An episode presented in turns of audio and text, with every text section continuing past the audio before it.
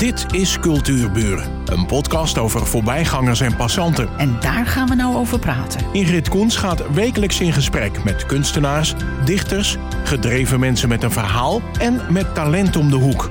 Vandaag gaat ze in gesprek met. Meindert Nieuweboer, wist u dat er in Aartswoud een levend museum staat? Dat is het Rundveenmuseum en daarin gebeurt veel, heel veel. En wat ik helemaal niet wist, trouwens, even tussendoor, uh, Meindert, ik mag Meindert zeggen. Ja. Uh, ik heb nog nooit iemand ges uh, gesproken die zo'n toepasselijke naam heeft. Nieuwe boer, als we het hebben over het museum. Uh, nou, ik, ik, geef u even een, een, hint. Er worden bijvoorbeeld tal van bedreigde oude Nederlandse rundveerassen voor de ondergang behoed. Je kunt een koe adopteren. Er is een zorgboerderij aan verbonden.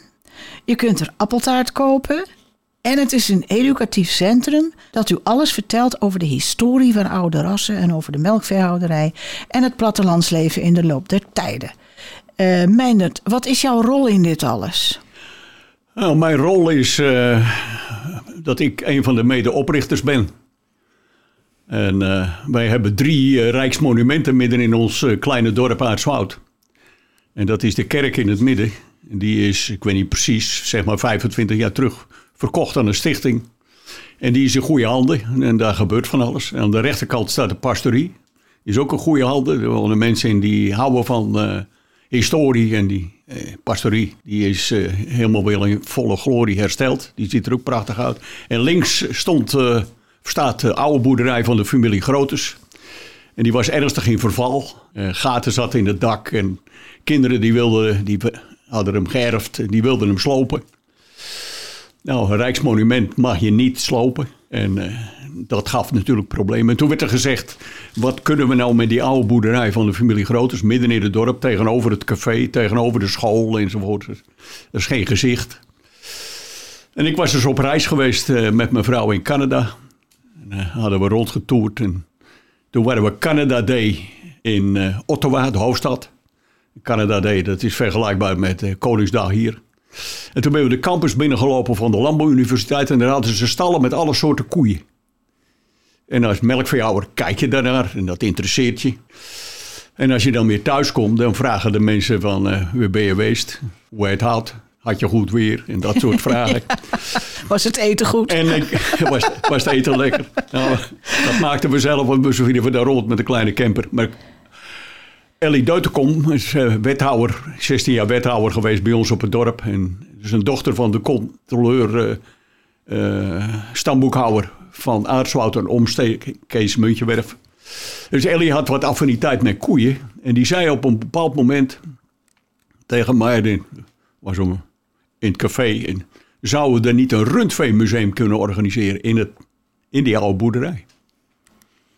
Nou, dan ga je erover denken en hoe dat dan moet. En Ellie had de gedachte om die koeien in die oude stal te zetten en de boel te renoveren enzovoort enzovoort. Maar nou, dat zag ik niet zitten, want je moet uh, koeien waar je het kalf bij laat, zoogkoeien, die moet je los laten lopen.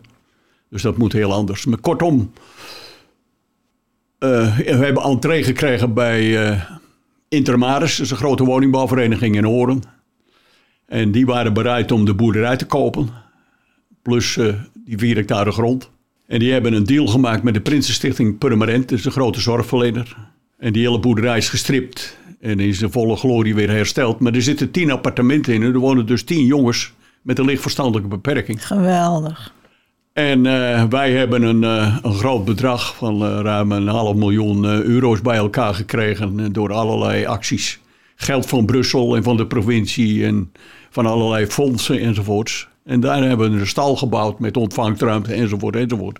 En is dat dan achter die boerderij? Ja, dat is achter de boerderij. Ik begrijp dat achter de boerderij is land. Achter de boerderij is vier hectare land. Oh ja, oh ja, ja oké. Okay. Ja. En uh, nou ja, we hebben de koeien verzameld. Had ik een bedrag van, ik meen, van 12.000 euro op de begroting om koeien ja, maar, te kopen. Maar wacht even, wacht even. Ja. Uh, de, de, koeien verzameld. Ja. Leg dat eens uit. Je koopt nou, een koe, maar een koe verzamelen, ja. dat vind ik een heel ander Nou woord. ja, uh, kijk, hier en daar in Nederland zijn nog uh, fokkers die bepaalde rassen gebruiken. En dan je denken aan de blaakopkoeien en er zijn uh, lakenveldenkoeien en er zijn MRI, de Baarsrijn en IJsselkoeien. En streeksgewijs komen die uh, wel in het land nog voor. met name bij wat oudere bedrijven, kleine bedrijven.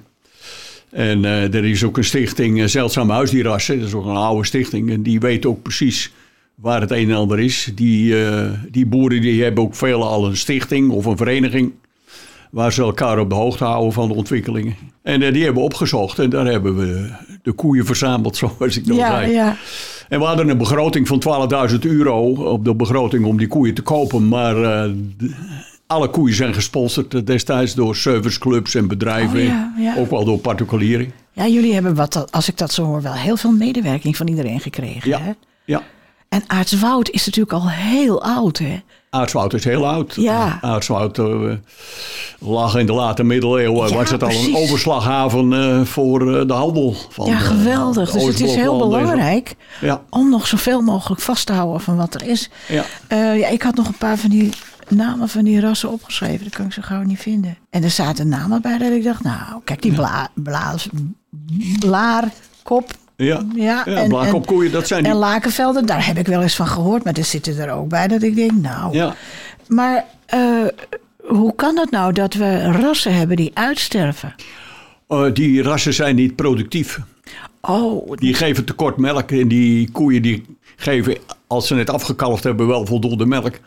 Maar die, die denken meer om hun eigen dan om de boer. Die gaan groeien. En uh, ja, dat... dat ook geen vlees? Nee, die koeien die zijn om te melken, die zijn geen vleesrassen. Oh, Maar dat zijn nog zogenaamde dubbeldolkoeien. En vroeger eh, hield men daar wel van, want elk dorp had één of twee slagers. En die kochten in hun naaste omgeving de koeien. En eh, die boeren hadden dus dubbeldolkoeien, koeien die voldoende melk gaven. Maar uh, ook een goede opbrengst hadden als ze naar de slager gingen. En de koeien die niet verkocht werden aan huis, die gingen naar de markt. In Noord-Holland naar Purmerend. En die gingen naar de slachthuis in de stad en die werden daar verdeeld uh, aan de slagers. Zo ging dat. Ja, ja, maar ze, ze leverden gewoon niet genoeg geld op. nee, maar. u moet het zo zien. Uh, uh, 100 jaar terug gaven de koeien 2500 liter. Ja. En in de jaren 50 5000 liter. En nu zitten we op de 10.000 liter. En hoe komt dat? Dat, is, dat, dat komt door, door fokkerijbeleid. Steeds als je grotere koeien fokt, die vreten meer. En geven dus meer melk. Hoe meer erin gaat, hoe meer eruit komt. Oh ja. Zo simpel is het. En, en dat ging ten koste van die... En, en, en, en, dat, we hebben het wel over Nederlandse uh, rassen. In Nederlandse rassen, ja. Oh, wat een leuke ja, ja, je, je, hebt de, je hebt de Groninger Blaakop. En die Groninger Blaakop die vindt zijn oorsprong misschien wel in Groningen. Dat is niet goed bekend. Maar die komen ook veel voor in het Zuid-Hollandse. En die Blaakoppen die hebben wat hoger vet en eiwit in de, in de melk. En heel veel zelfkazende boeren die vonden het interessant om uh, oh, ja. te houden. Want ja. dan maak je uit een liter melk meer kaas.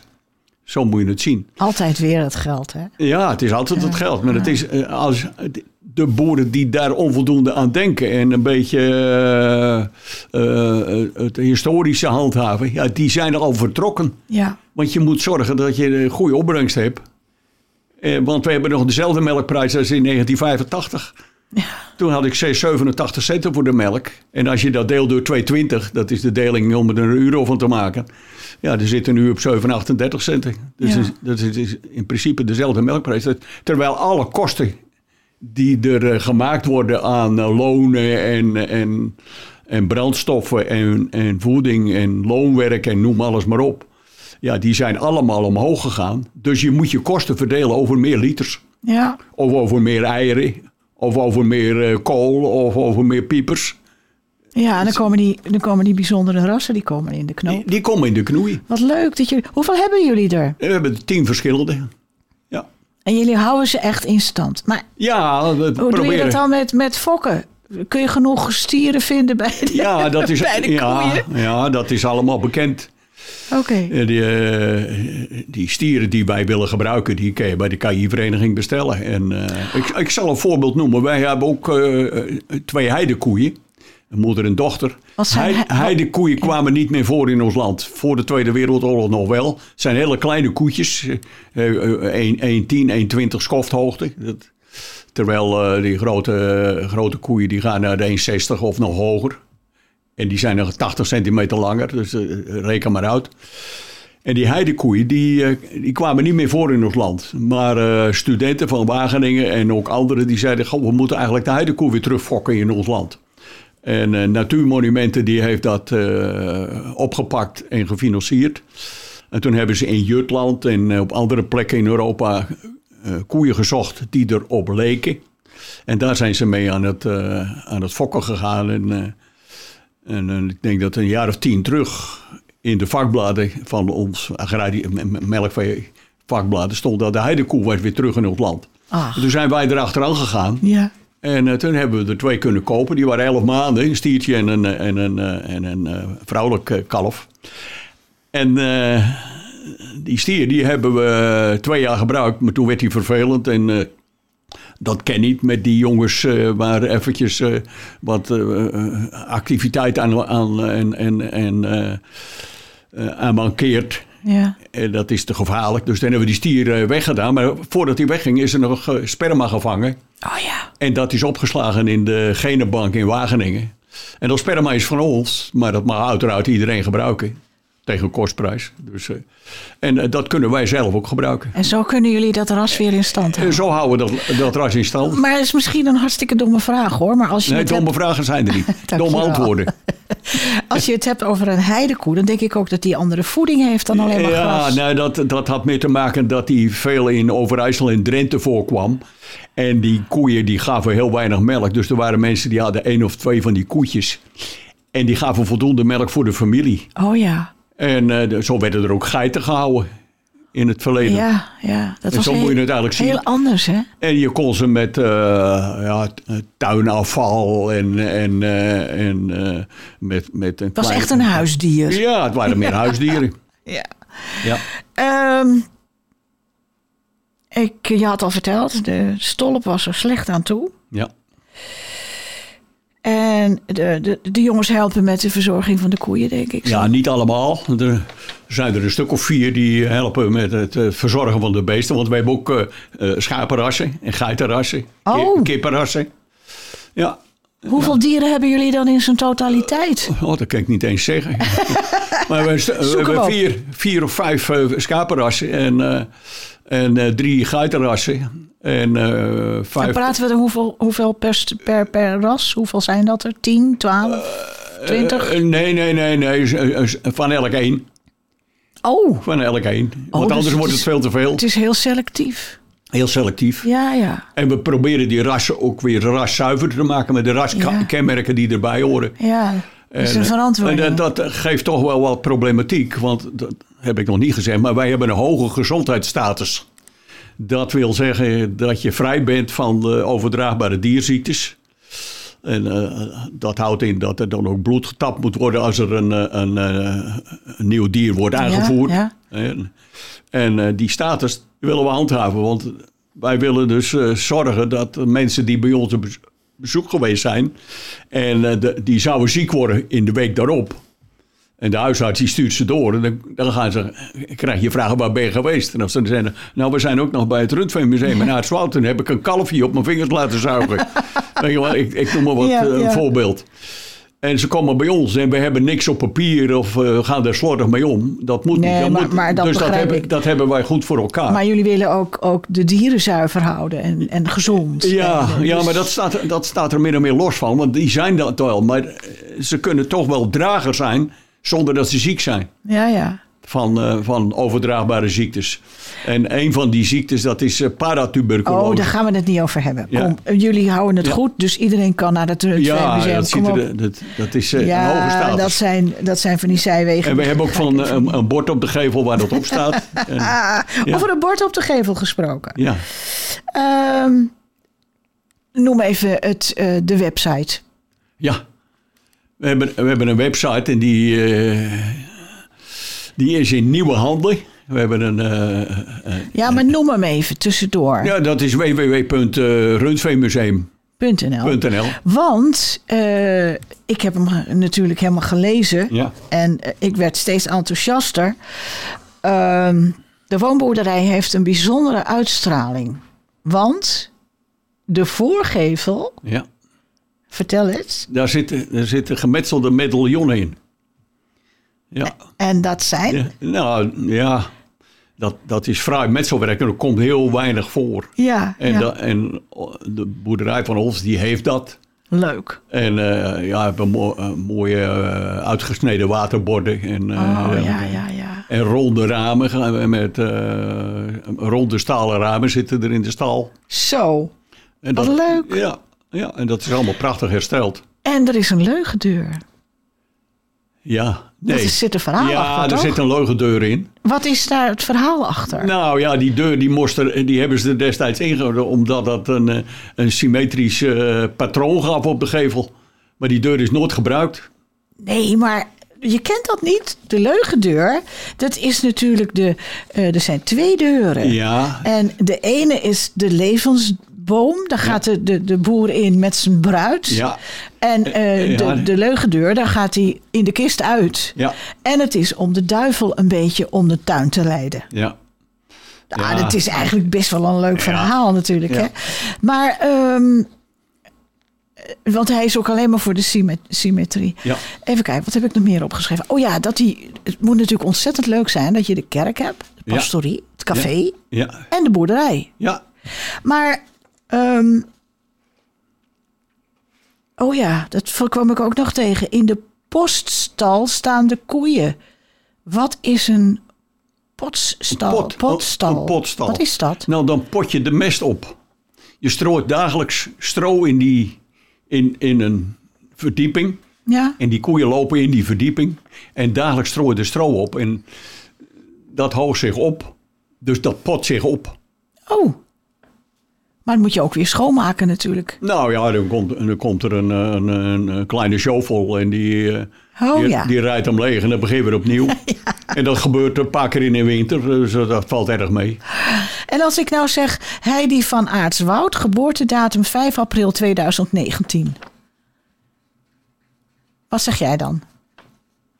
Dat, dat zal de geboorte van een koe zijn, van een kalf. Ja. Maar dat, die datums en dergelijke, daar Oh, nee, moeten we niet te veel maar- over vragen, want daar ben ik nooit mee bezig. Oh, eh, maar je kan een koe adopteren. Ja, Dus Ja. dan heb je daar wel mee te maken. ja, maar, ja. dat- Vertel eens hoe dat gaat. Nou, eh, er is een actie ontketend door eh, Geert Klaver, makelarij Klaver. Die, want we hebben natuurlijk brand gehad.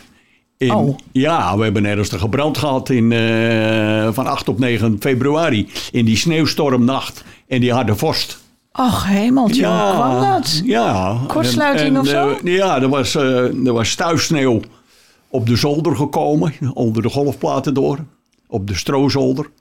En onder, daaronder was een, een groepenkast van de Elektra. Oh, ja. En daar is water in gekomen. En dat water dat zorgt voor verhitting, want dat gaat natuurlijk eh, niet goed.